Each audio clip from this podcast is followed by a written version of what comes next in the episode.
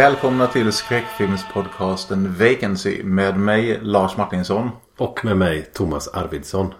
Ni känner inte igen våra röster och ni känner kanske inte ens igen våra namn. Vi kommer från podcasten Vargtimmen. Och eh, idag har vi bytt avsnitt med Erik och Magnus. Så vill ni höra på dem och vad de har att prata om så får ni söka er till eh, Vargtimmens domäner. Vi kommer kopiera Vacancys programupplägg här idag och göra vårt allra yttersta för att ni ska känna er hemma som lyssnar. Mm. Och eh, vi har valt att prata om eh, två stycken filmer som berör nervsammanbrott i lägenheter. Mm. Denna ännu inte helt och hållet etablerade subgenre i skräckfilmen. Precis. Vilka två filmer kommer vi prata om Thomas? Vi kommer att prata om Repulsion från 1965 och Upstairs Neighbor från 1994. Båda de här filmerna berör någon typ av eh, mentalt sammanbrott i lägenhetsmiljö. Alltså någon typ av eh, urbana skräckisar där eh, människans psyke kanske är det absolut läskigaste. För det är inte så jättemycket de här har gemensamt i övrigt egentligen. Upstairs Neighbor har en ganska uppenbar Roman Polanski-influens. Men den kanske är mer lik eh, hans film Rosemary's Baby. Om man ska vara petnoga. Den har ju både du och jag pratat om så mycket så att vi är trötta på den här laget. Och jag vet att eh, Vacancy pratar om den redan i avsnitt 26. Så den filmen får vi betrakta som avhandlad. Den svartvita filmen Repulsion från 1965 handlar om en eh, belgisk kvinna i London. Hon arbetar på någon typ av eh, skönhetsshop. Hon eh, bor ihop med sin syster i en eh, lägenhet i stan. Och hon har ett problematiskt förhållande till män. Lite grann i allmänhet får man en känsla av. Hon besväras mycket av sin systers fästman. Alldeles bortsett då från att hon inte gillar att höra deras nattliga läten genom taket. Men hon är också eh, oförklarligt reserverad till till exempel en man som vill bjuda ut henne och som eh, försöker inleda någon typ av förtrolig relation till henne. Mm. Så det känns som att den här problematiska relationen är dels till män men även kanske hennes egen sexualitet och sådär. Det kan ju finnas fler stenar vi behöver vända på här.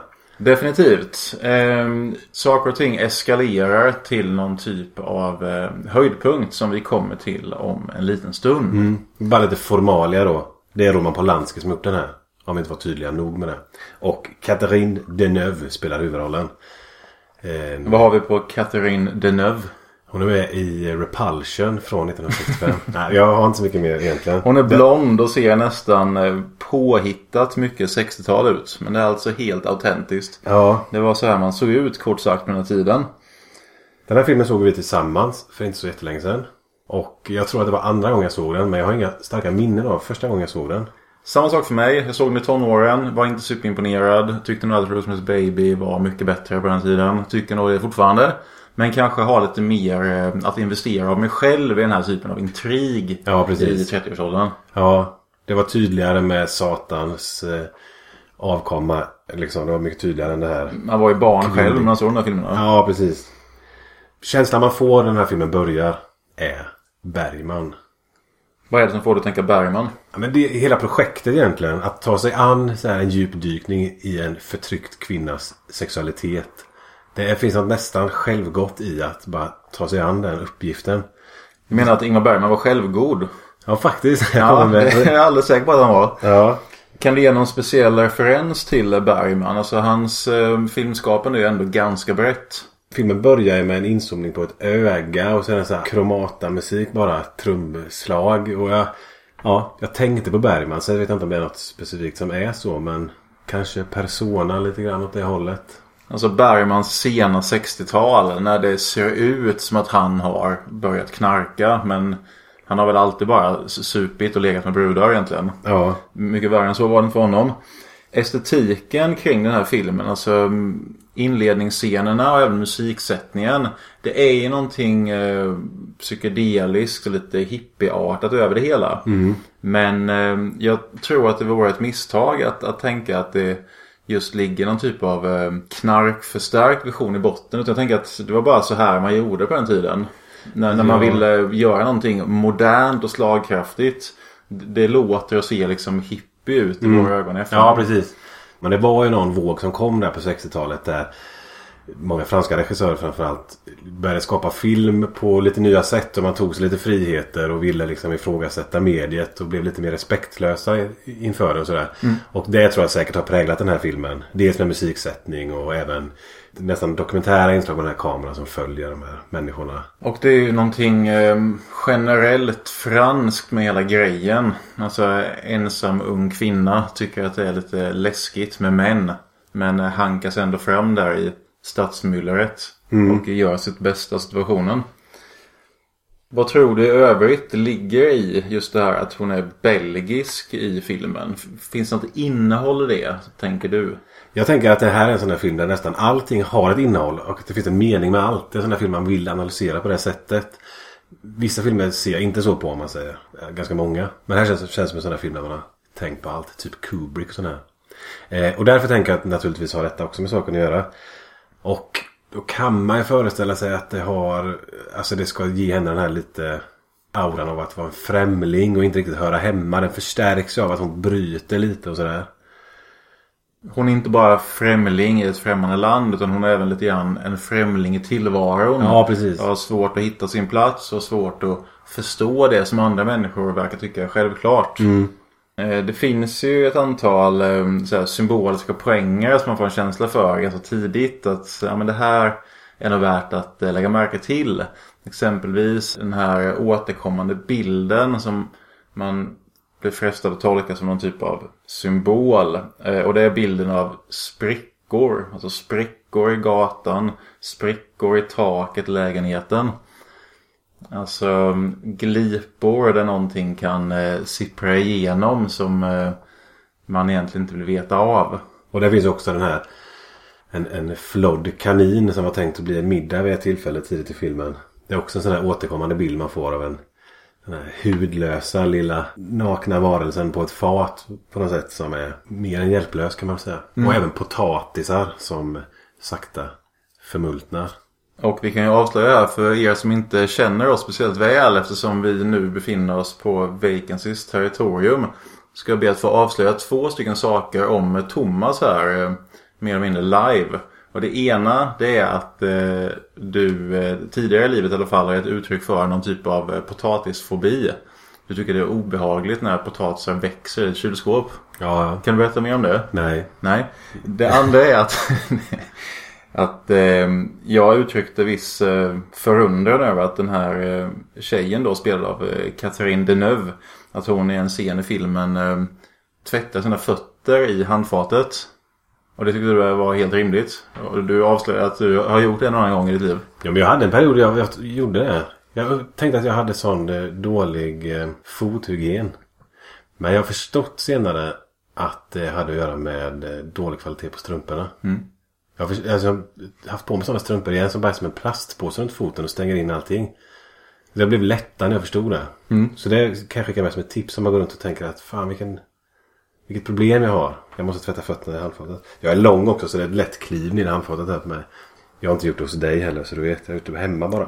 Det är många saker som är konstiga med den här filmen. Fotbadet i handfatet är inte en av dem.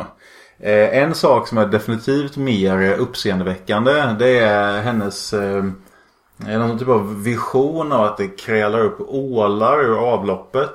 Ja, det är en nyhet de pratar om i början där. Så ungefär ja. Ja, så man hör på radion och så kommer eh, systerns kille dit också och pratar om de här ålarna i, i handfatet. Och när man sitter och tittar på den här och vet att man nu ska vi analysera den här filmen. Då finns det något penetrativt med detta då känner man ju tidigt. Och man känner också ett liksom ganska tydligt äckel inför att det här skulle hända. Och, då, och, då, och då kan man tänka sig att detta är ett sätt lite grann att få in oss lite i den här huvudpersonens eh, synsätt på något sätt. Alltså hon, hon kanske ser på ett samlag ungefär på samma sätt som vi ser på ålar som kommer upp liksom ur handfatet hemma.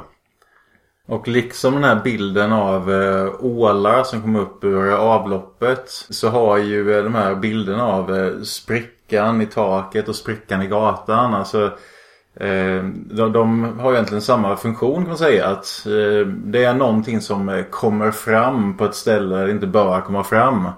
Alltså en, en öppning någon kan sippra igenom. Mm.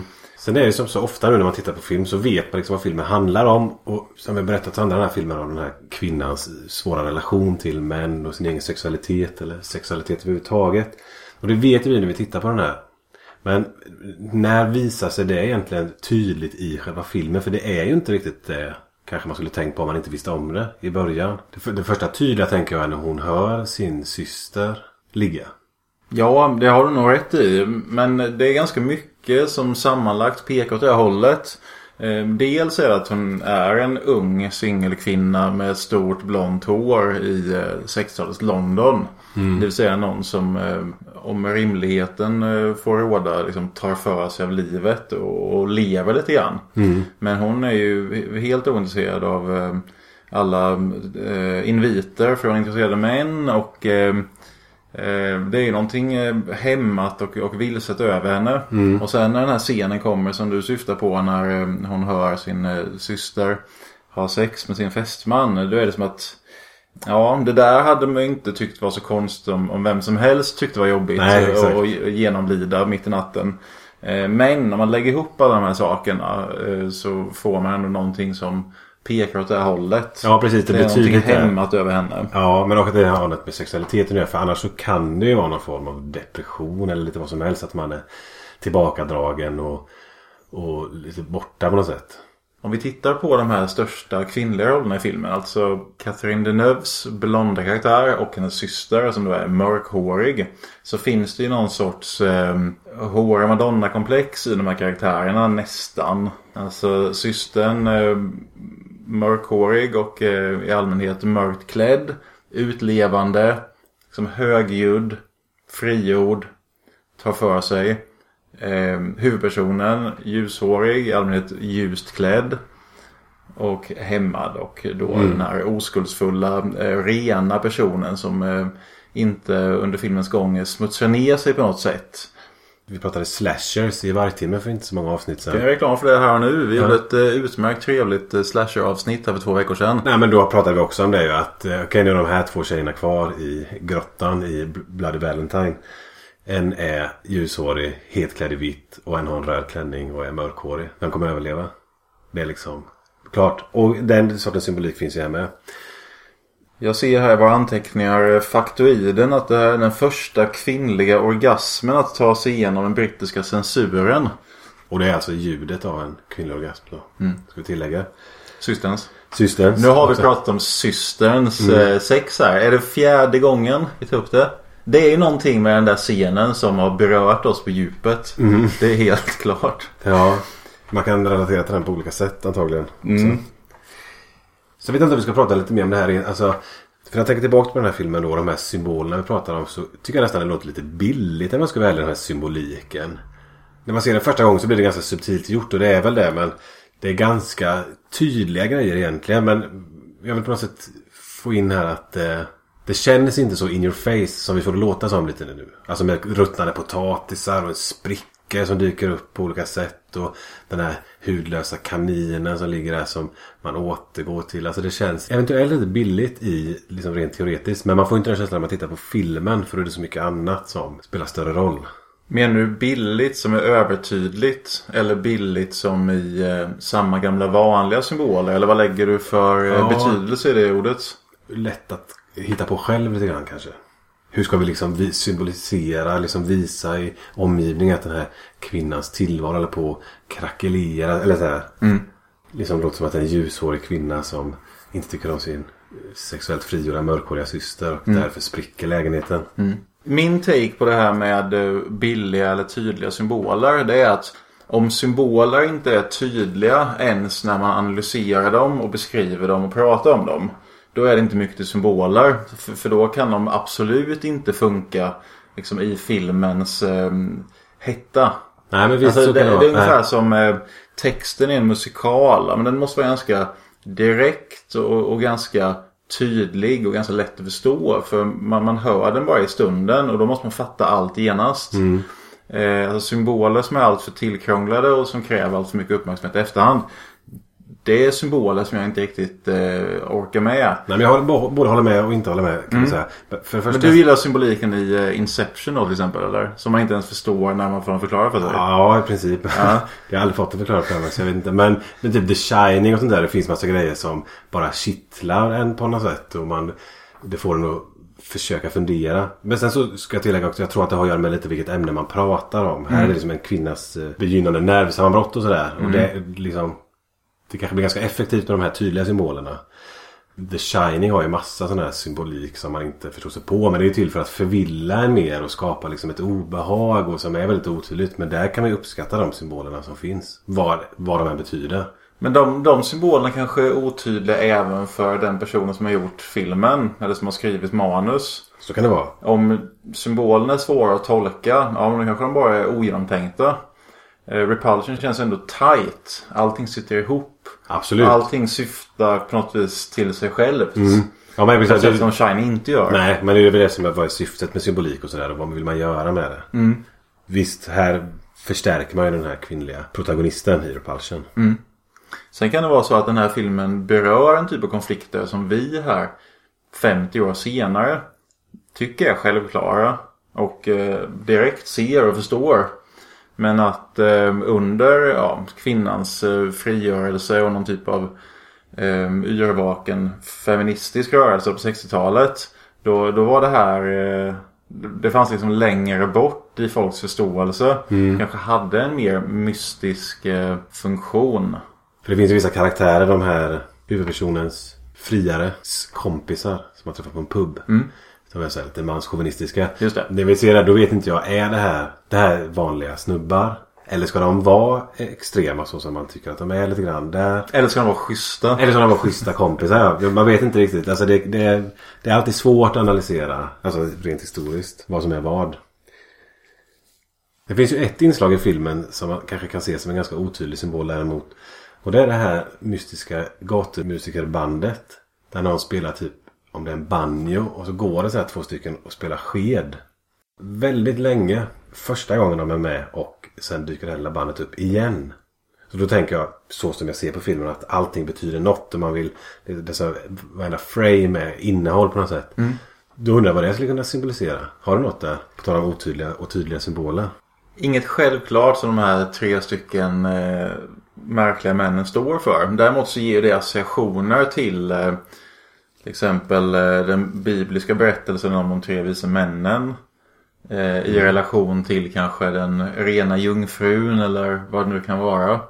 Kanske också i och för sig att det har någonting eh, av den klassiska folksagan över sig. Så att det blir något mer eh, fantastiskt inslag i den här realistiska, alltså psykorealistiska berättelsen. Så kommer någonting av så här, de tre bockarna Bruse eller vad det nu kan vara. Inte tydliga symboler i alla fall. Verkligen men, inte. Men Kanske inte ens symboler kan vara så att det är Roman Polanskis eh, gammelfarbror som bara kan inte jag få vara med i din filmjävel. Jag fattar grejen med på sked eller? Så får han vara med. Så kan det vara, det vet vi inte. Den här filmen, Repulsion, är ju en skräckfilm. Vad, hur kan man, liksom, vad är det som gör den här till en skräckfilm skulle du säga? Jag skulle säga att det är en typ av modern skräckfilm där det otäcka finns eh, inom huvudpersonen. Och eh, där hotet inte är någonting eh, som kommer utifrån utan hotet hela tiden existerar i eh, huvudpersonens egna upplevelser och kanske i, huvudpersonens egna historia. Det är någon typ av gotisk berättelse där huvudpersonens mentala sammanbrott liksom flyter samman med den, den yttre miljön. Alltså det finns en nyckelscen i den här filmen där eh, huvudpersonen har, har, har gått så långt in i sin egen mentala förvirring att eh, hennes omgivning börjar förändras. Ja, det. Alltså det är ju eh, en typ av eh, skräck som kanske inte är det hetaste på bio just nu. Ja, men det på Men, men som dyker upp lite då och då. Alltså The Babadook till exempel är ett exempel på en, en liknande typ av eh, skräckestetik. Mm. Vad tänker du? Eh, nej men jag tänker att det där har att göra med hur, hur man filmar och sådär. Hur man visar de här grejerna. För det, jag tänker att Bergman kanske gör liknande saker utan att... Eh, alltså scener från ett äktenskap till exempel skulle kunna visa en del av en kvinnas eh, sexualiteter och liksom relation och sådär. Och hur man kan bli knäpp av sammanhanget. Utan att det blir en skräckfilm. Men här vill man ju ändå skrämmas lite grann tänker jag. För här finns det ju Framförallt den här scenen i korridoren där det kommer ut armar i korridoren. Det är ju det enda jag minns från den här filmen. Och det är en typisk skräckscen för att där händer ju någonting som eh, liksom är till för att skrämmas i filmen så att säga. Ja. Det, det var lite så jag tänkte bara att man, ja, det här är faktiskt en skräckfilm för Roman Polanski vill ju visa på det här vansinnet genom att skrämma publiken lite grann också. Sen kan det vara så att den här filmen dyker upp i en tid i historien där eh, det inte i första hand är relevant att prata om eh, skräckgenren eller den typen av genreindelning överhuvudtaget. Nu är jag ganska illa bevandrad i, i filmhistorien sådär men om vi tänker att mellan 50-talets monsterfilmer och eh, 70-talets allt mer spekulativa alltså filmer om eh, religion och våld. Så är det något eh, så här svartvitt eh, mellanstadium. Där eh, jag tycker att Repulsion eh, passar in ganska bra. Det är alltså varken eh, riktigt genretroget eh, eller ett vanligt drama utan det är någonting eh, mitt emellan. Ja, precis. En otroligt bra scen som faktiskt eh, har en eh, stark skräckudd. Det är när hon eh, provar sin systers klänning. Och eh, tycker att hon skymtar någon i spegeln bakom sig. Ja. Och sen kollar dit och så, nej det var ingen. Det kan man säga att eh, den enda poängen med den eh, scenen det är ju att eh, få publiken att haja till. Kanske till och med hoppa till. Och eh, så här, ja nu gör hon någonting lite fel, lite konstigt. Bara, ja, blir hon direkt tillrättavisad med eh, någonting otäckt.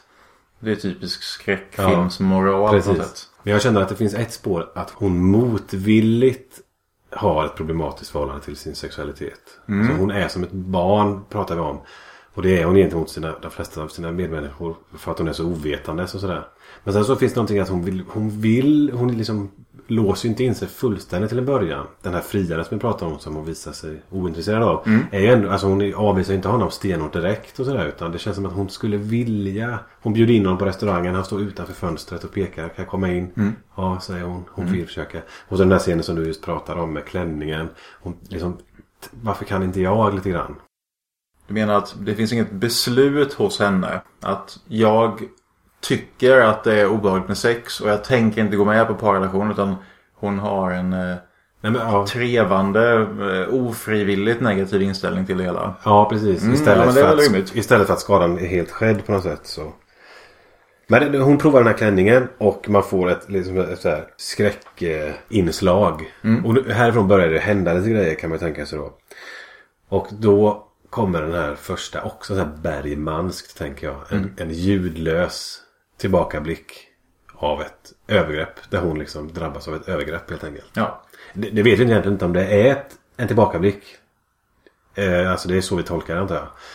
Alltså, jag, det, jag, antar att det är frestande att tolka det så eftersom det är helt utan ljud. Ja, men precis. Det är ju ett klassiskt sätt för den här tiden att visa att eh, här kommer ett minne. mm, men jag, jag säger inte att det händer. För det tror jag inte. Men däremot att det skulle kunna vara i hennes. Eh, liksom. Mm. Så här är det att ligga med någon. För jag har hört min syster typ. Och, och då så bara föreställer hon sig. Alltså så skulle det kunna vara Mm. Ja, också. Ja, mm. Så, så vi, vi kan inte spika att det är ett minne. Det händer inte. Men antingen så är det någonting hon bara fantiserar ihop. Eller så är det ett minne. Mm.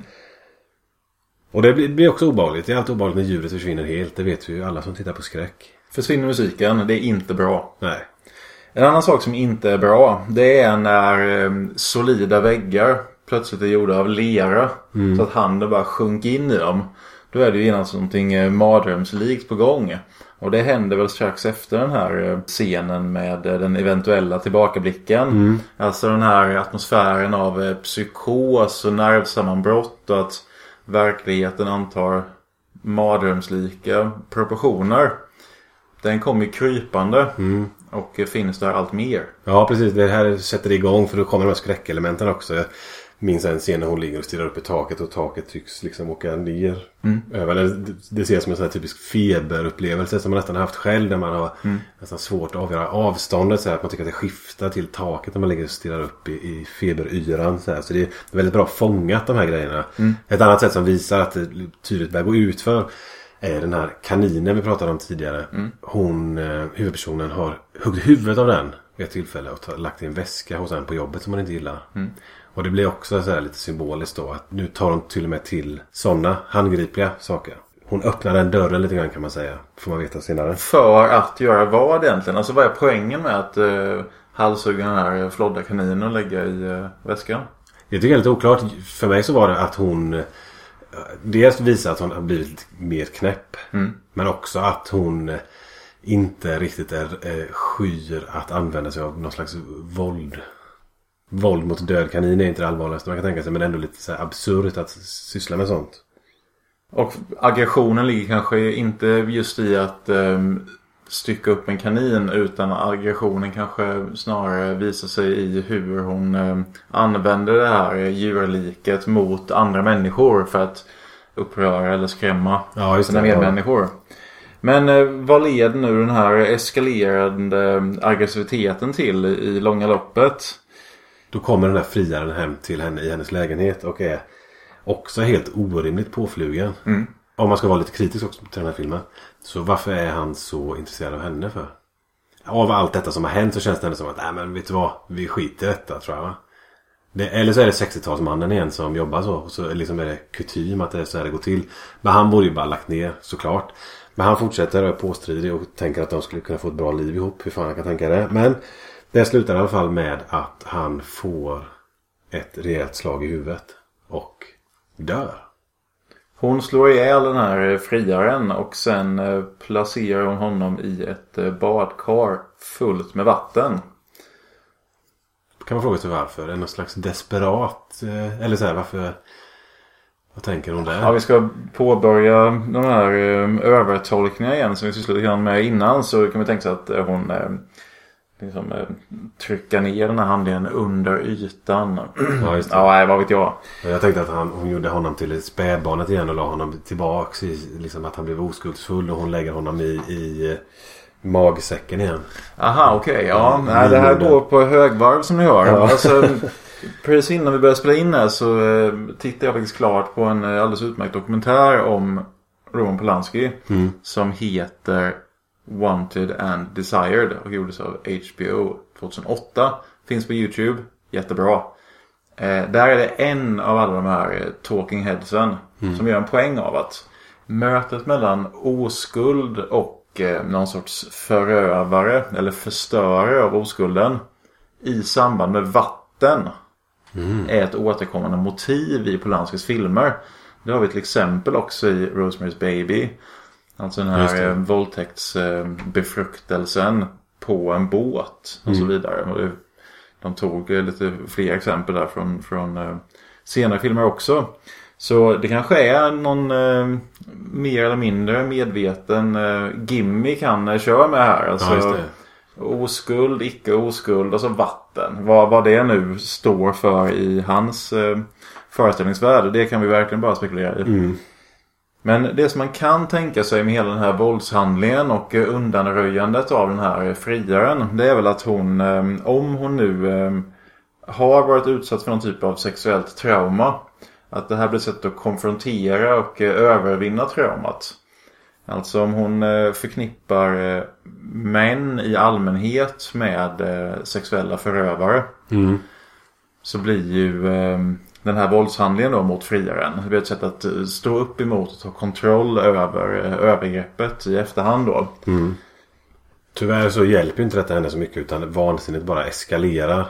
Och det här är också väldigt snyggt skildrat när hon går in i badrummet igen och man upplever att det ser liksom lite annorlunda ut. Och de här liksom lite mer ruttna väggarna och det är mer avlångt och så här. Då tänkte jag lite på, som vi pratade om, The Shining innan. När det inte stämmer riktigt och man har ändrat om. Det blir jäkligt effektivt tycker jag.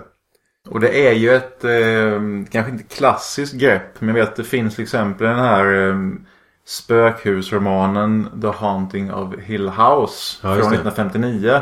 Där är det också det här att eh, ja, rum och korridorer och, utrymmen i hus. Att de liksom ändrar form och färg. Och att det inte riktigt stämmer med det som man har sett tidigare.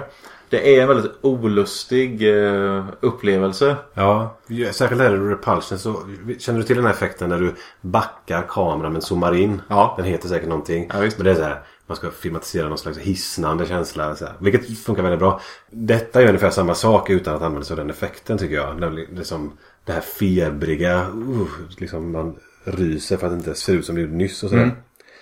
Hon är liksom instängd i den här lägenheten. Vad vi inte har sagt här är att hennes syster har rest iväg. Så det här kan pågå ganska ostört. Ja, och, och det är ganska tydligt där när systern ska resa iväg att eh, protagonisten inte gillar det. Hon vill inte riktigt vara själv. Men det är det som tillåter att det här vansinnet kan bryta ut. Hon är liksom ensam i den här lägenheten. Ska vi tolka systern som ett överjag eller ska vi inte göra det? Över jag. ja. Eh, hur som helst så kommer landlorden upp och vill ha hyran helt enkelt.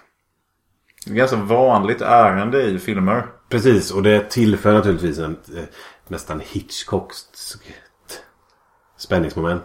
För att nu vet vi att det finns ett lik i lägenheten och hon måste försöka undvika att det upptäcks av den här nya liksom, karaktären helt enkelt. Och han är också lite så här överdrivet omhändertagande och, och eh, gör ju kanske eh, lika tydliga sexuella närmanden som den här eh, friaren tidigare har gjort. Men han, men han börjar ju nästan som en far tänker man sig Mm. lite grann. Ännu värre. Mm. Ja men alltså, som du sa, att han märker att hon mår dåligt och då ska han liksom hjälpa henne med detta och hämta vatten och vara väldigt förstående. Mm. Men ganska snart kommer det fram att den här fadersgestalten har ett annat syfte och ger sig på henne. Mm. Liksom, nu tänker han att det är läge att ligga. Och då började hela påminna en hel del om eh, Utvandrarna. Alltså den här filmen eh, som bygger på Vilhelm Mobergs eh, romaner. Alltså tysta scener med typ psykedeliska trummor.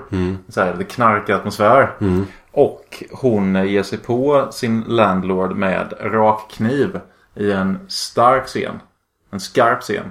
Psycho får ju ofta cred för hur det liksom är klippt och skildrat den här duschscenen med kniven. Mm. Det här är mycket ondare. Ja det här är mycket ondare för hon har någon sån här, vad kallas det? En sån här fällkniv som är, alltså ett rakblad. Som Ja, det är en rak- rakkniv. Ja en rakkniv ja. ja. Som hon liksom motvilligt så här bara Mm. liksom viftslicer den här mannen om och om igen. Så, Så man vet hur vass den där är. ja, så här, det här svider ju av att titta på. Han alltså. svider ihjäl helt enkelt. Ja. Och då kommer ställa sig frågan här. Nu har vi eh, två stycken döda kroppar. Båda är sexuellt intresserade män. Vi har en eh, ung och eh, hittills eh, försiktig och hämmad kvinna. Som, eh, ja, kort sagt eh, drar kniv här och liksom börjar slice upp folk hon eh, besväras av. Är det här en feministisk film? Ja, jag skulle kunna tänka mig att, skulle, att jag skulle kunna tolka det som en feministisk film.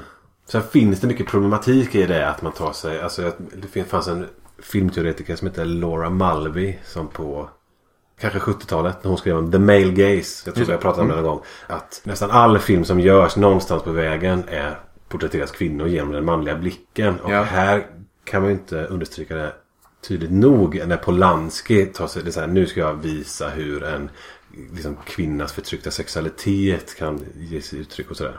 Han har säkert haft en ambition av att, för han menar han visar den kvinnliga sexualiteten också. Minns systern som eh, man hör ligga. Bara att liksom använda sig av det. På film känns det som ett kvinnofrigörande på något sätt. Att den sexualiteten ska få porträtteras på film och sådär. Så jag, jag skulle kunna tänka mig att eh, det finns ett sånt syfte på något sätt. Det finns en, en vad var det du sa? Yrvaken feministisk anda på gång här. Så det kan jag tänka mig att han har tagit vara på. Vad tror du? Ja, alltså det är en fråga också om eh, vad man väljer att se själv och vad man tar fasta på och sådär. Och det är klart att eh, det går ju att se eh, feministiska strömningar eller dimensioner i saker som, som inte alls har de motiven. Så vi har ju pratat om eh, slashers flera gånger i eh, vår egen podd, Vargtimmen. Och eh, där har vi tagit upp alltså hur den här Carol Clover i 90-talets början började närstudera slasherfilmer med misstanken om att det var något misogynt och kvinnofientligt. Men det hon eh, tolkade ut av det hela det var ju att slasherfilmen är egentligen ganska feministisk i sin natur. Och här handlar det inte om att trycka ner kvinnor utan snarare om att stärka kvinnans roll i filmberättandet och låta den kvinnliga huvudpersonen verkligen blomma ut som en eh, ansvarstagande och eventuellt våldsam person i, i filmens slut.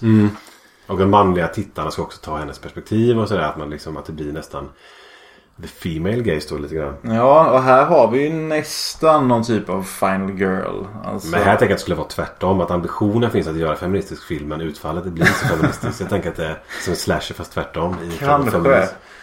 Ja, men vi har ju den här eh, oskuldsfulla kvinnliga karaktären som eh, konfronterar eh, aggressiva män på olika sätt och som eh, i slutet av filmen står där och eh, vevar någon typ av hugg eller stickvapen omkring sig. Det har ju någonting med Final Girls att göra. Ja, hon råder i alla fall liksom bot på sitt problem. Sen är det tydligare om det är liksom en mördare som man vill ska dö än ett nervsammanbrott och potentiellt hotfulla män. Men samtidigt så den här landlorden som vi pratade om. Han är ju... Men han försöker våldta henne. Och hon liksom slicear upp honom. Det får man ändå se som att det är lite halvfair på något sätt. Och hon slipper betala hyran. Hon tar alltså även ekonomiskt ansvar här. alltså Virginia Woolf slängde i väggen. Här är en kvinna som eh, nu har ett helt eget rum. Det kommer inte vara någon som klagar på att hon eh, Nej, bor där. I alla fall inte förrän polisen börjar känna liklukt då i trapphuset. Eh, Den mörkhåriga systern hon kom ju hem här från Pisa. Där hon har varit på semester. Eh, Åkt till denna gigantiska fallos. Precis. Som står rakt upp. Lutar ju lite grann vilket tydligen är, är skönt. Ja. Eh, Hon hittar liket i badkaret. Vad hittar hon mer? De hittar systern som har liksom, hon har lagt sig under sängen. Och de befarar att hon ska vara död tror jag. Det sticker ut någon arm eller sådär bara. Men hon har stängt av. Hon har blivit katatonisk fullständigt. Och eh, alla grannar springer in här och upptäcker liksom det här kaoset som har pågått. Och hon bärs iväg av systerns kille tror jag. Hon är alltså helt eh, desarmerad och kan inte ta hand om sig själv. Nervsammanbrottet är fullbordat. Och här känner man ju att den här filmen snart är slut, fattar man. Och man tänker att vilket liksom intetsägande slut var jag på väg att känna. Men så kom den här återigen Shining-lika avslutningen med en långsam inzoomning på ett foto. Och plötsligt sitter man och ryser.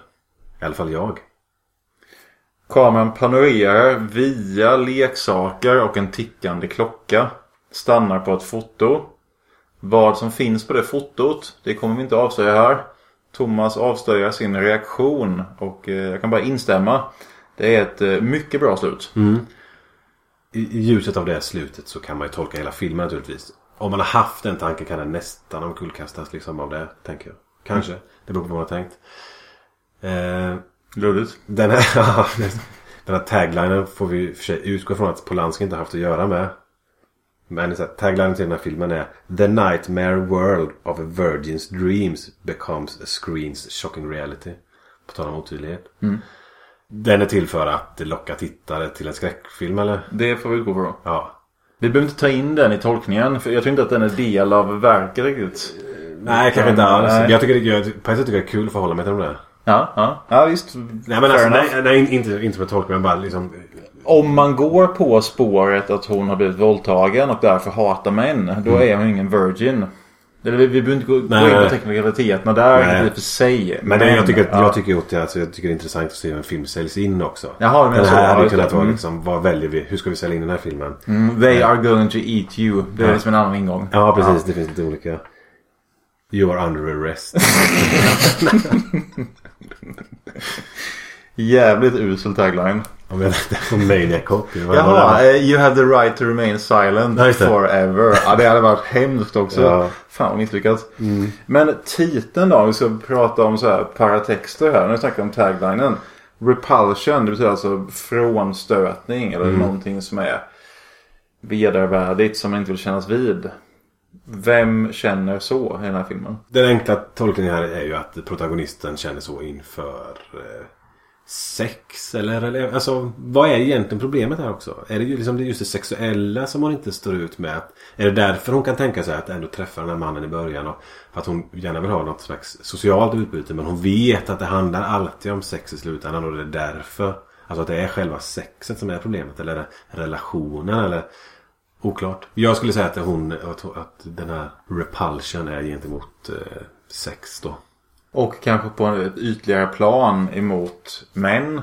Och på ett ännu ytligare plan emot eh, mänsklig gemenskap i allmänhet. Alltså hon verkar inte särskilt intresserad av att interagera med Nej. folk sitt jobb eller att eh, knyta an till eh, systerns fästman och så vidare. Utan hon eh, håller sig gärna på sin kant här. Främling i tillvaron som hon är. Men det kan också vara här lite felsteg av Polanski tänker jag då. Att en kvinna som är osäker på sexualitet. Eller om det är det som är hennes problem är huvudsakligen.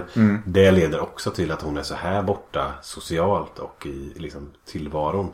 Det kan också kännas lite väl tilltaget kanske. Ja.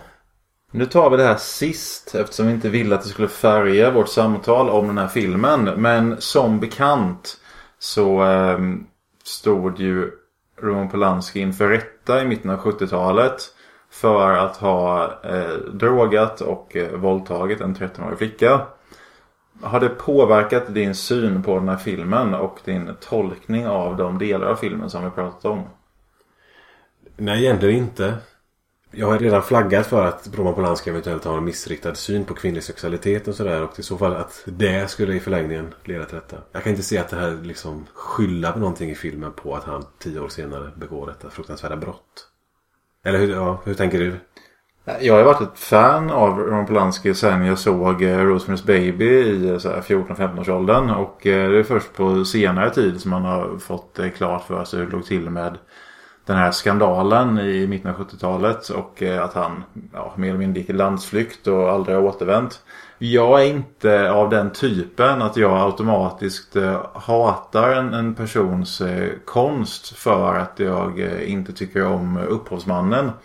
Alltså, jag har ganska mycket skivor som jag gillar med artister som är ja, rena idioterna. Eh, så jag har lite svårt att eh, lägga den typen av eh, total värdering Nej, precis. i, i hans Men- brott. Men hade han blivit halvdömd för det här straffet och sen åkt hem till Frankrike och gjort den här filmen eller åkt till London. Då hade det säkerligen färgat din syn på filmen. Eller så här, Vad vill han säga nu? Uppenbarligen så är jag intresserad av kvinnor som tappar kontrollen och som hamnar i mäns våld. Alltså det har han ju visat i eh, Repulsion och i Rosemary's Baby och där tar mina exempel slut. Sen gör han det själv. Ja men alltså om man ska vara hård mot honom så kan man ju eh, tolka det här brottet som han har varit misstänkt för. Som på samma planhalva som de filmer som han har gjort sig berömd för på vägen dit. Ska vi släppa den grejen? Och, och prata om så här, filmer som Vacancy gör.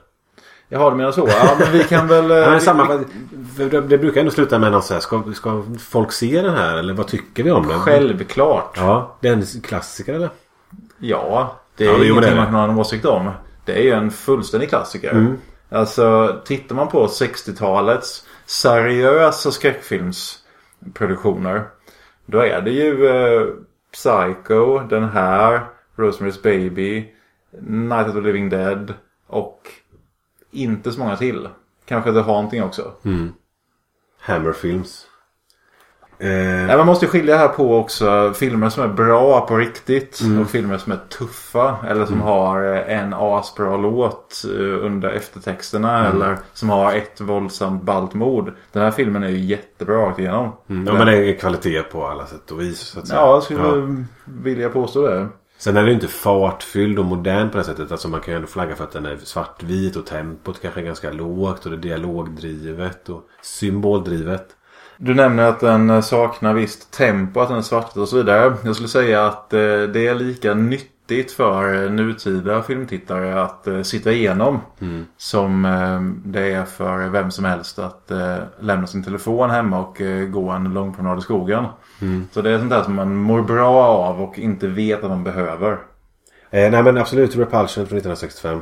Det är bara, det är bara att titta. Det är bara att köpa.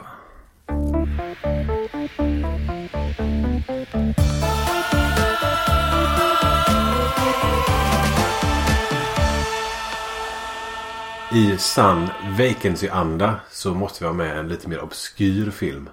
Då har vi tagit den här stora superklassikern Repulsion från 1965 och pratat om. Och nu ska vi ta den lite mindre kända filmen Upstairs Neighbor från 1994. Ett, liksom bara året gör att man blir nyfiken. Det här är en low point för eh, skräckfilmen. Det är alltså strax före Scream. Till och med före Seven. Det var inte så jättemycket bra skräck som kom den här tidpunkten. Nej. Det här är en obskyr film som aldrig haft en, en vettig release i något format i Sverige.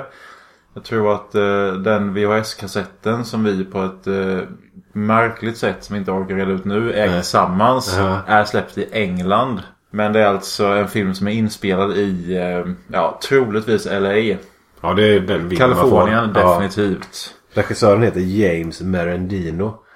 Och han är mest känd för en film som heter typ SLC Punk eller något sånt där som kom senare på 90-talet. Har du sett den? Nej, inte Nej. alls. Men den, den verkar vara en, ja, en lite halvklassiker i vissa eh, kretsar. Inte skräck alls. Han själv har lagt ut den här filmen på Vimeo. Så skrev han typ en liten skämtsam film jag slängde ihop på 90-talet.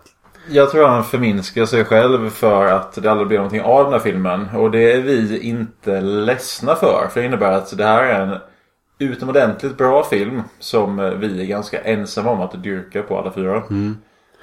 Jag kan tyvärr inte minnas när vi såg den första gången. Jag skulle vilja att du kunde riva upp lite sköna minnen här nu. Jag gissar på 2001. Definitivt gymnasiet.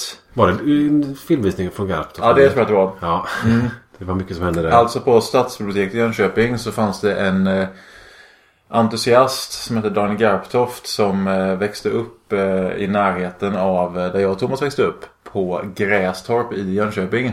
Och den här eh, Daniel Garptoft han fick med jämna mellanrum fria händer att sätta ihop egna skräckkvällar. Och eh, på den vägen så fick vi bland annat nys om, eh, ja, förutom Upstairs Neighbor, ehm, Cannibal the Musical.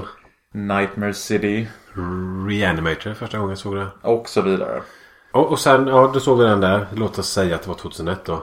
Sen dess har det varit en eh, favorit ju. Vad handlar det om? Det handlar om en eh, författargrunchare i pyjamas som bär noja om att eh, grannen våningen över håller på med några så här sataniska riter och avlyssning och massa grejer som eh, han eh, misstänker till för att han ska ta över killens liv. Det börjar med att han tror att hans telefon är buggad. Och han eh, hör ljud på övervåningen. Eh, som han liksom... Eh, han lägger upp två och två. Och tänker att ja, men det är grannen som lyssnar liksom, och ringer till mig och vill veta vad jag håller på med och sådär. Och eh, det blir inte ett dugg bättre när han eh, lär känna den här grannen och får reda på att även han är en författare i samma genre. Alltså de skriver både någon typ av skräp populärlitteratur. Ja. Och han som spelar Eric heter Sebastian Gutierrez. Och han vet man inte så mycket om. Men han har tydligen skrivit manus till bland annat Gothica och Snakes on a Plane. Så här halvmoderna skräckfilmstitlar som man ändå känner igen. Gothica som man trodde skulle vara lika bra som de japanska skräckfilmerna när den dök upp. Men det visade sig vara väldigt, väldigt mycket sämre. Mm, jag tror inte jag har sett det. Nej. Snakes on the Plane däremot trodde man inte skulle vara speciellt bra. Och det var precis som man tänkte sig. Det är i alla fall en tydlig titel. Upstairs Neighbor börjar med eh, LA-mystik i kvadrat. Alltså eh, svartvit, tyst titelsekvens. Där man ser vem som har gjort vad. Sen kommer en, en längtande sån här halvspansk trumpet. Och, och sätter stämningen. Och så är det ganska soligt och ganska behagligt runt den där lägenheten. Men det är ändå något lite så här kvällsmystiskt och lite lurigt. Mm. Det har fått till väldigt bra ju. Just Jättefin. För det, är, stämning. det är ingenting som är så här dolt i mörker och sådär. Utan det är upplyst generellt.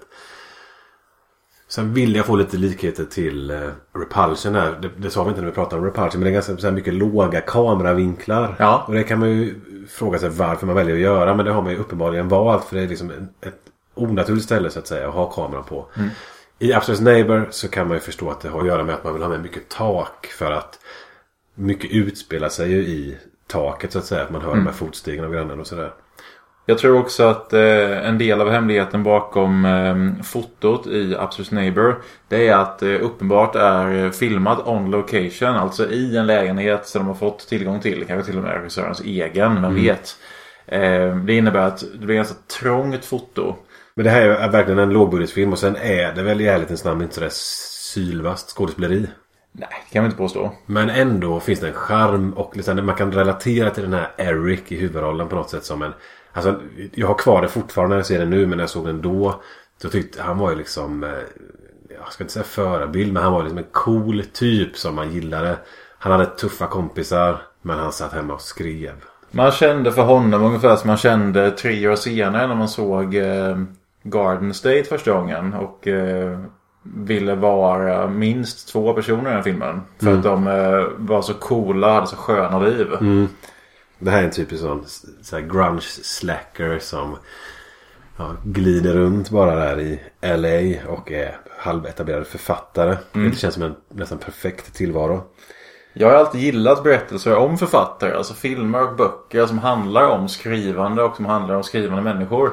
Det är någonting med det som eh, tilltalar mig väldigt mycket. Och eh, jag tänker att det, förutom att jag själv har skrivit en del i mitt liv och har lätt att relatera till den typen av ja, livsstil eller yrkesverksamhet. Att det också finns ett tilltalande metaperspektiv i berättelser som handlar om framställandet av berättelser. Ja, och det kommer vi kanske få återkomma till här i fråga om den här filmen. Men det finns någonting i att eh, han lever på sin fantasi. Han lever på att framställa saker som inte existerar i verkligheten. Nej. Som vi pratar om här att han är författare och sådär. Alltså man får, man får tillräckligt mycket input av det som händer runt omkring själva problematiken så att säga. För att det fyller på liksom, med intressant information om huvudpersonen och omgivande karaktärer. Sådär. Men det är också en väldigt liksom, det är en enkel liten berättelse som vi följer. Alltså det, det finns ett... Eh, vissa filmer lyckas med detta. För ibland så kan det bli så att det blir för smalt och så får du inte någon input av personerna. Då blir det liksom platta karaktärer istället. Så blir det ointressant därför. Eller så blir det för brett och så tappar man fokus på problematiken. Jag tänkte lite på den här som vi pratade om som, för att ta en aktuell film. Eh, Mike Flanagans Hush. Som är en kvinna i en lägenhet som har en fönstertittare som ska psyka ihjäl henne. Alltså det, och då får man också så här, ja, man får lite lagom runt omkring. Hon är också författare förresten. Mm, just det. Och använder sig av sin fantasi för att eh, lösa sin problematik snarare. Om vi ska återgå till rena teknikaliteter och hur det är filmat så är det en utomordentligt fin kameraåkning när eh, grannen ringer på dörren första gången. Och då föl- följer kameran så här, ut med taket. Ja. Och så ner för väggen inne i Erics lägenhet då. Så man, Ja, och sen så är det eh, en så här snabb inzoomning på hans förfärade ansikte när det ringer på dörren. Jag vet inte var jag känner igen det från. Men jag slår vad om pengar. Att, att vem som helst som ser den här filmen känner att där fick vi en paranoid kameravinkel. ja, Nu går det upp för honom att han är ute på djupt vatten. ja. Men den här eh, grannen han, han vill egentligen inte ont här när han ringer på dörren. Utan eh, han vill bara eh, säga hej och eh, uttrycka hur eh, uncanny det är att se sin egen planlösning med annan möblering. Det är faktiskt ordet han använder. Mm, ja, Very precis. uncanny. Och han är ju lite lagom obehaglig. Det är också någonting man har lyckats ganska bra med i den här filmen. Att den här, om vi ska se honom som antagonisten då. Alltså den här grannen över. Han är välavvägt obehaglig. För det han säger är, alltså det är lite den här psykopaten vi pratar om. Men, men alltså någon som säger rätt saker men ändå ger intryck av att mena någonting annat. Och när vi, alltså att vi pratar om det så menar vi vargtimmar. Inte vi vacancy. För det fattar ni. Han står också lite för nära Eric när han pratar. Och så säger han att anledningen till att han är där är att han vill låna telefonen. För Eric har gått och liksom tänkt att nu ska jag fan unplugga hans telefon. Så han går ner så här i källaren i det här gemensamma huset då. Drar ut en sladd. Och så kommer grannen ner och ska låna telefonen. Och kommer in och är lite halvpåflugen och sätter sig i soffan och snackar om att det är uncanny och sådär som du säger. Och står lite för nära. Och sen så, så kommer han på att "Nej, men jag behöver inte låna telefonen. Och då, får, då blir man så här, jaha men var det så att han bara ville dit och kolla läget då? Liksom att han är psykot som, han, som Eric tror också? Eller? Får du intrycket av under den scenen att eh, grannen är gay? Du tänker på att han har eh, bara överkropp under en skinnväst som är öppen som han ligger så här. Eller att han skriver. Ja, nej, Nej, men, inte bara det. Utan även att han står lite för nära. Så här, nästan kontaktsökande nära. ja, När han pratar. Men det kan också bara vara ett sätt för regissören att visa att eh, den här personen ger intryck av att liksom överträda gränser och eh, Ja, men har en, en gränslös eh, inställning till eh, huvudpersonen. Nej, men så tanken slog mig inte. Sen så ska man kanske inte förkasta tanken. För den är inte orimlig på något sätt. Innan det finns någonting som tyder på att det ligger till så här så eh, formulerar faktiskt Eric själv den här misstanken för sin kompis Josh. Att eh, den här grannen, ja, men han är säkert med i någon weird pagan sex ring. Och eh, det här sker då strax innan han eh, börjar snoka och, och spionera på den här grannen och faktiskt ser att det pågår någon typ av kultmordsverksamhet i lägenheten över honom. Han klättrar upp för stuprarna typ och kikar in. Mm. Sen bara Josh kan man se mer 94 ut. Han ser ut som Pearl Jam låter. Och röker gräs. Ja, Hela tiden. han ser sämre ut än programlåter skulle jag säga. Men vad är det han ser när han kollar in i fönstret där? Då ser han ju ett gäng med eh, folk i kåpa och så här offertjejen på ett bord typ och så sågar de av hennes arm.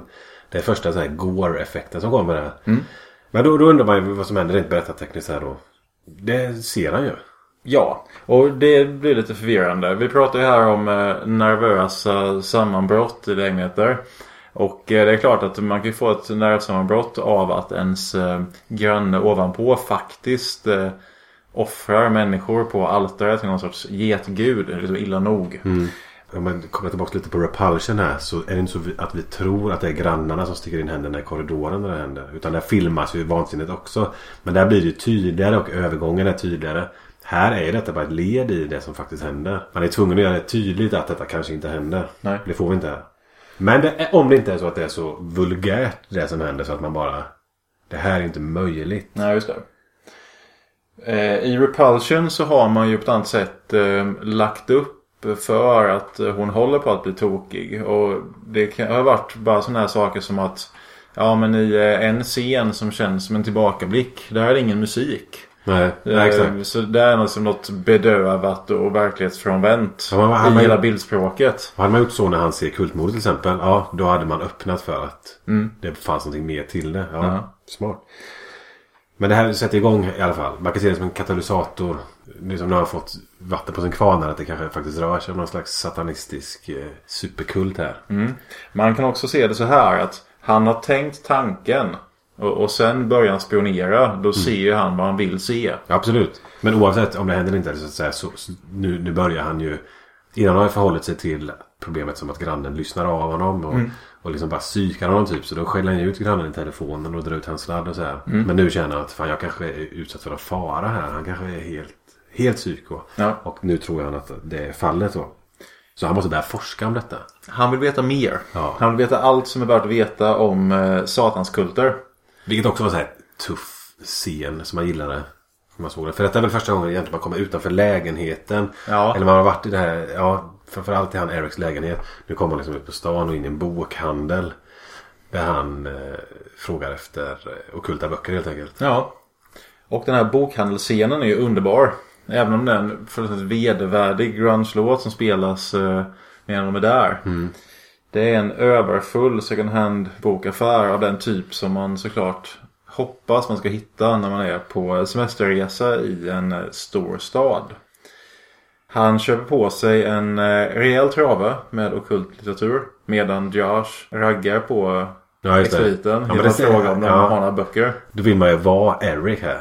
Ja. Han, alltså, det är han man vill vara. Jag tänkte på det när du pratade om musik nu också. Mm. Han slänger ju på en eh, LP-skiva där lite i, början av filmen. Ja. Som är George Greenleys Piano Italiano tydligen. Ja. En schysst låt. Men jag vet inte om du minns det. Men någonting som fastnar som är det är hur han diggar till den här musiken. Jaha, nej, ett ja. orimligt sätt att digga till liksom pianomusik. Det är en jäkligt schysst låt. Men Mm. det liksom ger han den här auran av att vara en jävligt cool person som Ja, han lyssnade ens på grunge 94 liksom. Han slänger på piano italiano. Och Mm. Han är sån som man skulle vilja vara nästan på den tiden. Han matar sig själv med ångestidéer. Alltså han fyller ju huvudet med de här eh, redan eh, halvkläckta idéerna om att det finns en typ av kultverksamhet på övervåningen.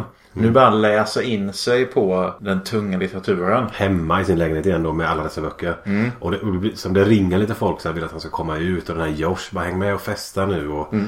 Men nej, han... eh, är kvar i lägenheten här för att fokusera på sin problematik. Det betyder lite också liksom att han avskärmar sig. Mm. Likt hon i Repulsion. Alltså när man blir själv i sin lägenhet. Och det tycker jag man kan känna igen sig lite i det här. Alltså hur man kan börja fantisera bara man är ensam för länge på något sätt. Mm. Det är lite väl fångat här på något sätt. Vet du vad som är viktigt medan han eh, sitter och läser all den här litteraturen? Nej. Berätta. Det är att han röker.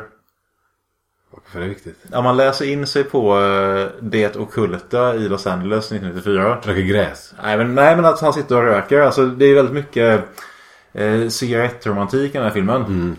Eh, man blir ju sugen på att ta en cigg. Absolut. Ja. Ja. Ja, ja. Du menar för att som förstärka den scenen som är jävligt cool så här, eller?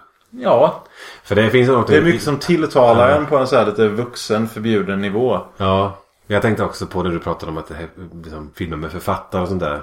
Filmer om böcker kan jag tycka är häftigt. Jag tänker på Polanskis The Ninth Gate till Ja, exempel. de här häftiga böckerna. Detta är också sådana här böcker som man, när man tittar på den här filmen när man var lite yngre så blir man ju sugen på att ha de där böckerna och bläddra i och, och lära sig någonting. Och här finns ju också en indirekt Polanski-influens. Alltså allt det här med någon sorts paranoid eh, mental eh, uppförsbacke i en trång lägenhet. Det känner ni igen från eh, Repulsion och från Rosemary's Baby givetvis. Men också det här att eh, Eric tar den här eh, kvällstidningssatanismen. Att han tar den på stort allvar och liksom gör mm intellektuella efterforskningar på allvar. Det är ju som att han eh, följer upp det där som finns i Rosemary's Baby. Som man bara lite grann anar på ytan. Ja. Här, här går han på djupet med det. Eh, filmmotivet och så här. Modern satanism i stadsmiljö. Sen så tänkte jag på, nu såg jag de här efter varandra så att det känns lite långdraget. Men det finns ju en scen där när Eric ligger och precis som tjejen i Repulsion ligger och lider och åmar sig för att han hör ett ljudligt samlag på övervåningen. Just det. Det är väldigt lika scener. Ja, verkligen. Eh, jag sätter nästan allting som jag äger på att den här James Merendino är mycket väl bevandrad i Roman Polanskis eh, filmografi. Ja, Det står ju även på eh, VHS-omslaget vet jag att den jämförs med Rosemary's Baby och en film som heter Pacific Heights. Och den där Pacific Heights den hade man ju kunnat eh, kolla upp här inför det här avsnittet. Vet du någonting om den filmen? nej. Absolut ingenting. Jag vet vad titeln var men det är enda. Ja, Men det ska vara en Pol- Polanski-film eller? jag vet inte. Nej, nej. Dålig research. Ja, men det... Ja. Eric är bättre research. Ja. Han träffar en tjej som bekräftar honom i hans eh, villfarelser. Det blir till slut så att han inser på något sätt att han är på väg ut för, lite grann. För det ringer folk och tjatar häng med ut då och sådär. Men hon är också författare, kan inte du läsa mitt? Och då känns det, då får man för sig att han tar sig lite i kragen här. Och ja, men jag, jag kommer ut och träffar dig då så kan vi eh, snacka lite grann. Men så, som du säger, hon fyller bara på en massa vatten på hans kvarn. För hon hugger på detta för han börjar snacka om sin granne och att han är knäpp. Och hon bara, "Åh, vad intressant. Eh, Va, gillar du sånt? Och så, sen är de igång. Sen kommer du ihåg att det är, det är en mystisk figur inne på det fiket där. De sitter och dricker vin. Det är Han sitter och målar. Ja, Han sitter och målar och stirrar på honom. Så sen kommer fram till honom och säger Mind your own fucking business. Och går därifrån. Jag kommer ihåg att jag tyckte det första gången jag såg det. Så tyckte jag det var jäkligt coolt. För då var jag inne på det här lite mer storartade Polanski sataniska spåret. Ja, ja. Men eh, kan det vara så att det inte tillför någonting? Jag skulle säga att det tillför eh, den här känslan. Och det är att eh, Eric själv gör ett ganska märkligt intryck på folk. Och, och förlåt, jag kommer ihåg en sak till. Det är det som leder in samtalet på vad knäppa folk är. Ja, du ska bara höra min granne. Ja, just det. Så det fungerar, fungerar lite som en brygga in i det samtalsämnet. ja, men förlåt. Ja, nej men att han egentligen är den som sitter och, och eh, stirrar på folk. Och Mm, gör ett märkligt intryck. Och att eh, den här eh, konstnärstypen då. Han eh, snappar upp att den här killen är ingen. Det är ingen skön typ. Även om vi som kollar tycker han är en skön typ. Hans date, den här tjejen med långt blont hår. Hon spelas av Nicolas Cages ex Christina Fulton. Som jag har träffat. Alltså, Ja, det är sjukt. för hon har eh, en son med Nicolas Cage. Som heter Weston Cage. Som är född typ 1990 kanske. Ja. Som eh, för ungefär tio år sedan låg lite grann i startgroparna att eh, få igång någon typ av skitdåligt black metal-band i LA. Okej. När han var så här ja, 18-19. Så eh, de spelade in en skiva i Studio Fredman utanför Göteborg. Eh, Och då intervjuade jag honom för eh, Close-Up som jag har skrivit i lite grann av och till sen gymnasiet. Och då var eh, mamma Kristina Falten med där som en sorts pressagent. Alltså det var superpompöst och löjligt. Ja, okej. Ja, eh, Men vadå, visste du att det var hon då? Nej, jag visste att hon var med i eh, The Doors-filmen. Med Val Kilmer. För där är hon också med. Okej. Ja, men jag hade inte koll på att hon är med i uh, Aster's Neighbor då. Det hade varit kul att veta och kunna prata med henne om. Ja, det hade hon säkert eh, bjudit lite grann. Jag minns till exempel att eh, hon ville läsa mina frågor innan jag gjorde intervjun med hennes son. Som du sen skulle skriva ut text och skriva. Nej men alltså de, det var ju bara liksom anteckningar på svenska. Och då sa Ja. jag bara, ja, visst varsågod. eh, Du får gärna läsa de här. I can't read this. Som om jag skulle haft dem förberedda på engelska. Alltså man bara... Pff. Men sen var det inte live-tv heller för det kan jag förstå då. Nej det spelar ingen roll. Alltså hennes sons skitband som ingen bryr sig om. Ja. Ja, grejen var i alla fall att den här artikeln som jag skrev sen. Den tyckte redaktören på Close-Up var för kritisk. Bland annat till den här Kristina Falten. Men låt inte detta solka ner den här fantastiska filmen. Absolut eller? inte. Nej, men eh, artikeln publiceras aldrig och den, jag tror att den finns att läsa på någon blogg. Eh, möjligtvis. Okej. Ja, skitsamma. Hade jag inte vetat att hon hade någon som helst så här, kändisskap i familjen så att säga. Så hade jag tänkt, alltså allting med den här filmen andas ju absolut lågbudget. Ja. Alltså det, den ger ju sken av att vara ett eh, hemmabygge på något sätt. Mm. Men sen är den lite för bra för det. Så jag vet inte liksom om det bara är är skickliga människor inblandade. Eller att det är en lyckoträff. Eller, eller att det kanske finns mer budget bakom än man vet om. Med tanke på att den här Faltan är med då. Var hon någon på den tiden som kanske... Det tror jag i och för sig inte. Alltså man har väl inte hört någonting eh, mer från henne egentligen. Nej. Men här är hon ganska bra tycker man ju. Alltså hon är ju inte sämre än någon annan i filmen i alla fall. Nej. Alla är lite lagom. Mm. Men det är precis när vi pratade i Repulsion om de här människorna på 60-talet. Liksom LA-amerikaner på 90-talet. Det är Mm. också så här. Är det dåliga skådisar eller är man så här man heter Josh Mm. och bor i LA och röker joints. Det är liksom inte orimligt att man är exakt sån. Nej. Det finns en David Lynch-influens i den här filmen också som bland annat syns i eh, den här mardrömssekvensen. Där det är baklängsfoto bland annat. Han går omkring i eh, ett rum som liknar hans lägenhet. Och så är det någon telefon som liksom står rakt upp i telefonsladden. Ja, tycks sväva liksom. Ja, Ja, men jag tycker det är en väl skildrad mardröm också. För det är den här telefonen, det är som ett skräckmoment i den här drömmen. Den står och ringer, det har vi sett hela tiden innan. Sen tänker jag att det står liksom en kvinna med ett barn. Ett litet spädbarn. Så, så tänker jag att han, alltså det är också sånt där som han kanske grubblar på i den åldern han är. Och han träffar den här tjejen. Och, alltså, jag vet inte varför jag tänker på Salvador Dalí när jag ser den där scenen just i rummet. Alltså rö- drömmen fortsätter ju sen. Men det är något... Jo men därför att han, det är det de har fångat där som också Dalí fångar i sina målningar. Det är alltså drömmens eh, rumslighet på något sätt. Ja. Alltså att eh, saker eh, står för sig själva på ett märkligt sätt som de inte gör i, i verkligheten. Nej. Utan att eh, ja, men för- ja. där står den personen och där borta står den personen. Men det är liksom ingenting i- emellan dem på något märkligt sätt. Nej precis. Nej. Det är inget onödigt som, som man inte har uppmärksamheten på just nu. Den här drömsekvensen fortsätter och blir väl kanske plumpare sen när grannen kommer och spänner fast den här Eric på ett kors och spikar in händerna. Som Kristus mot djävulen. Ja. Ja, där tappar han lite grann. ja, det kan man säga. Eric och hans date, de bestämmer sig för att eh, ta sig in i eh, grannens lägenhet och eh, rota runt i hans grejer. För att eh, på något vis samla ledtrådar kring vad eh, han håller på med. Och vad hittar de då? Dildo va? Mm. Olustigt. Olustigt. Eller? Ja, det... 1994 var det det. ja, det var det nog ja. Men då förväntar man sig så här dödskallar och, och sataniska redskap. Men det blir aldrig något sånt va? Nej. Sen kommer grannen hem. Det blir väldigt spännande. Ja, det blir ja, lyckat spänningsmoment sådär. Och då måste de ju ut i lägenheten igen genom fönstret på andra våningen och sådär då. Men det här leder också till att det kommer fram vid något tillfälle att eh, hon har ju hängt med på detta för hon tänkte som du skojar ju nästan. Det här är bara en kul grej. Så när Eric har varit hos någon sån här religiös shop va och köpt på sig massa liksom religiös eh, vad säger man, kuriosa. Nej men såhär vigvatten. och- Perifernalia. Ja, eller- Ja, jag vet inte. Han, han går dit och så går han även och fixar heligt vatten i en kyrka. För det kan Ja. man inte köpa. Nej. Men då kommer han hem och så då ser han att den här tjejen kommer ut ifrån grannen. Och är man inne på det här spåret då att det Eric är med om det händer på riktigt. Ja. Alltså när man tittar på den här filmen är väldigt yngre då vill man att det ska vara en liksom, satanisk sekt på andra våningen. Just det. Det som då tyckte jag var så här lite mer hisnande för hans upplevelse av att bara Fasen vilket svek du har gjort mot mig nu. Men o- oavsett så liksom uppstår en konflikt här då. Där hon menar på att grannen här över, han är schysst. Han tyckte det bara var kul att berätta att vi var inne. Men i Erics värld som upplever det här på riktigt på något sätt. Han får ju fullständig panik. Och eh, liksom, det leder till att han stänger in sig ännu mer i sin lägenhet. Att nu är det liksom jag mot resten på något sätt. Och han är säker på att grannen har eh, kastat en förbannelse på honom.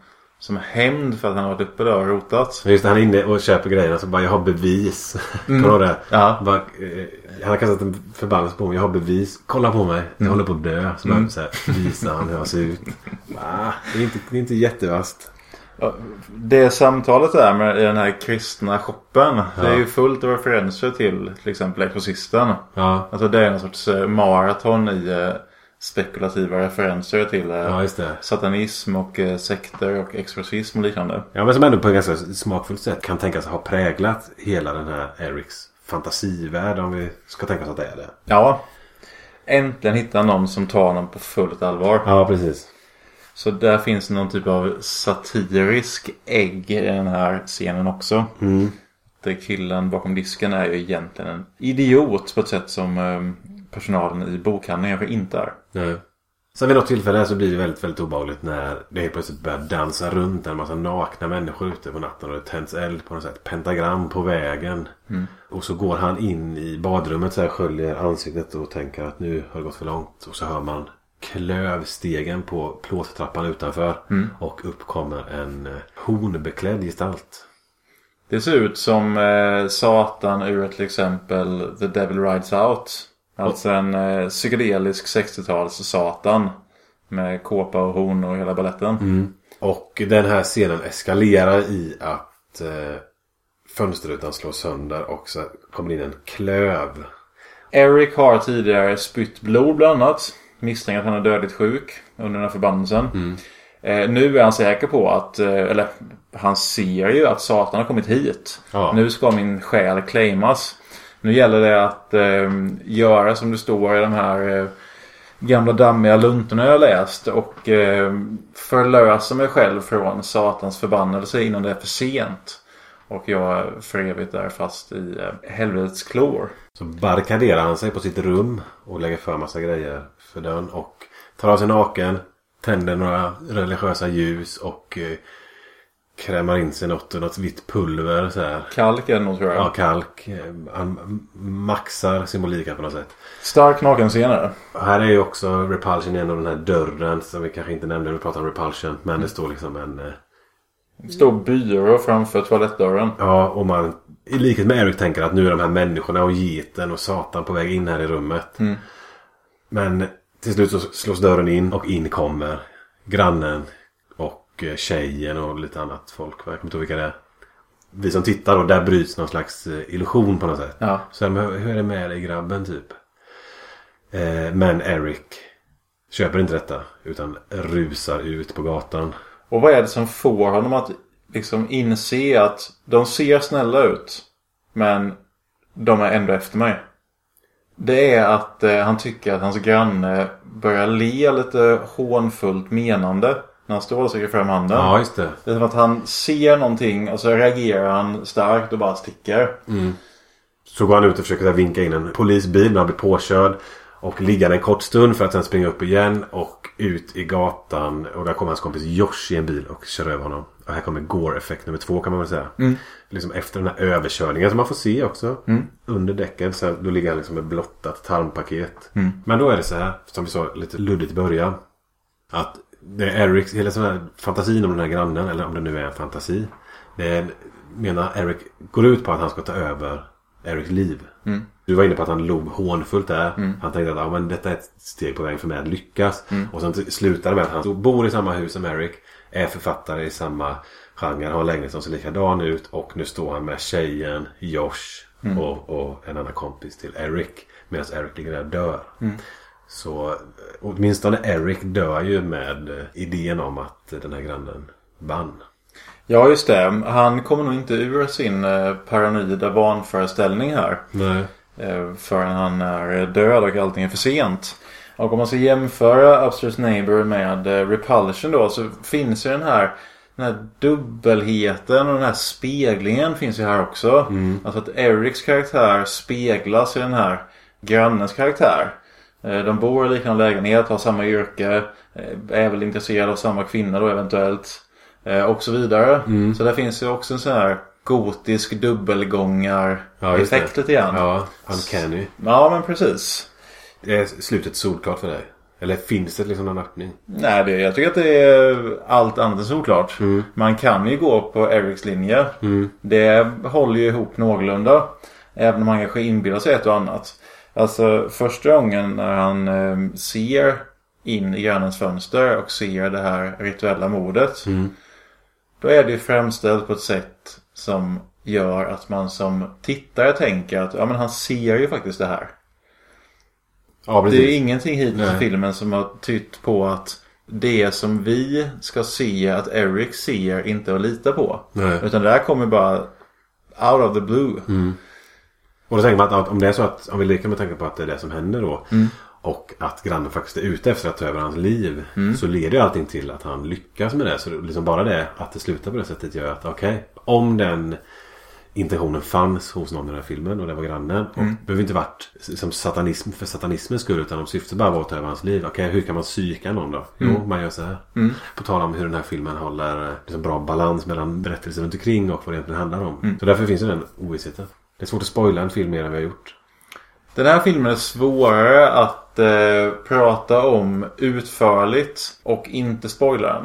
Alltså Repulsion, den kan man ändå prata om utförligt och sen så kan man lämna sista 10 sekunderna upp till den som orkar titta så länge. För där eh, Ja, men den, och den är, fylls det ut på något sätt. ja, och så är den mer fritt för tolkning. Mm. Och så är den mer sannolik att folk vill se om man inte har sett de här två filmerna. Mm. Alltså den här Absolute Neighbor finns så vitt vi vet bara att få tag på med dålig upplösning på Vimeo. Om man inte vill buda hem den på VHS eh, för så här 500 spänn eller något. Nej. Av någon kille i eh, Belgien. Är det någon av oss? Vi kan sälja den tillsammans. 250 spänn var. Hur får man för det? Ja, och då kan vi köpa Absolute Neighbor som du sa. Ja. På... Men eh, Vi behöver inte bestämma oss för en tolkning. Men eh, det är väldigt eh, stimulerande att eh, den väger 50-50 ungefär i slutet. Alltså är han paranoid eller eh, pågår det någonting eh, utomordentligt märkligt på hans grannes våning? ja. Alltså, just because you're paranoid doesn't mean they're not out to get you. Exakt. Mm. Så kan man säga. Sen är det också så här. Att i slutet här alla människor eh, kommer in i hans lägenhet och står runt honom på gatan och, och eh, pratar om hur eh, synd det är om honom. De kan mycket väl ha frammanat Satan ändå. Fastän de har gått ur det sammanhanget. Ja, precis. Han kan ju såklart eh, försvinna på ett ögonblick. Ja, Om om det cirkeln ja, men exakt. Om det var med hjälp av satanism och hela den grejen. Mm. Ja, men det, absolut. Det finns kvar också. Som potentiell tolkning. Jag eh, trodde inte jag skulle tycka att den var så bra när jag såg den nu igen. Men eh, trivdes hela vägen. Sen, så jag vet inte om det är så att folk kommer titta på den här nu och tänka att vi är lite dumma i huvudet. Alltså det är någon nostalgisk upplevelse också. Mm. Man kanske ser igenom att skådespelet är liksom under all kritik och att de här karaktärerna är... Jag vet inte. Fast det tycker jag inte att det är. Nej. Alltså skådespelet är inte någon kritik. Särskilt inte ifall vi eh, pratar om det här i någon sorts eh, genrefilmsammanhang. Där eh, ribban sannoliken inte alltid är speciellt högt lagd. Men kan vi komma överens om att vi tycker att den är lite bättre än kanske någon som ser den nu första gången? Troligtvis. För att vi, liksom musiken och... Ja men säg grunge. en film som du såg för 20 som inte det är giltigt för. Ja men det skulle i så fall vara Rosemary's Baby och The Shining. Alltså jag menar...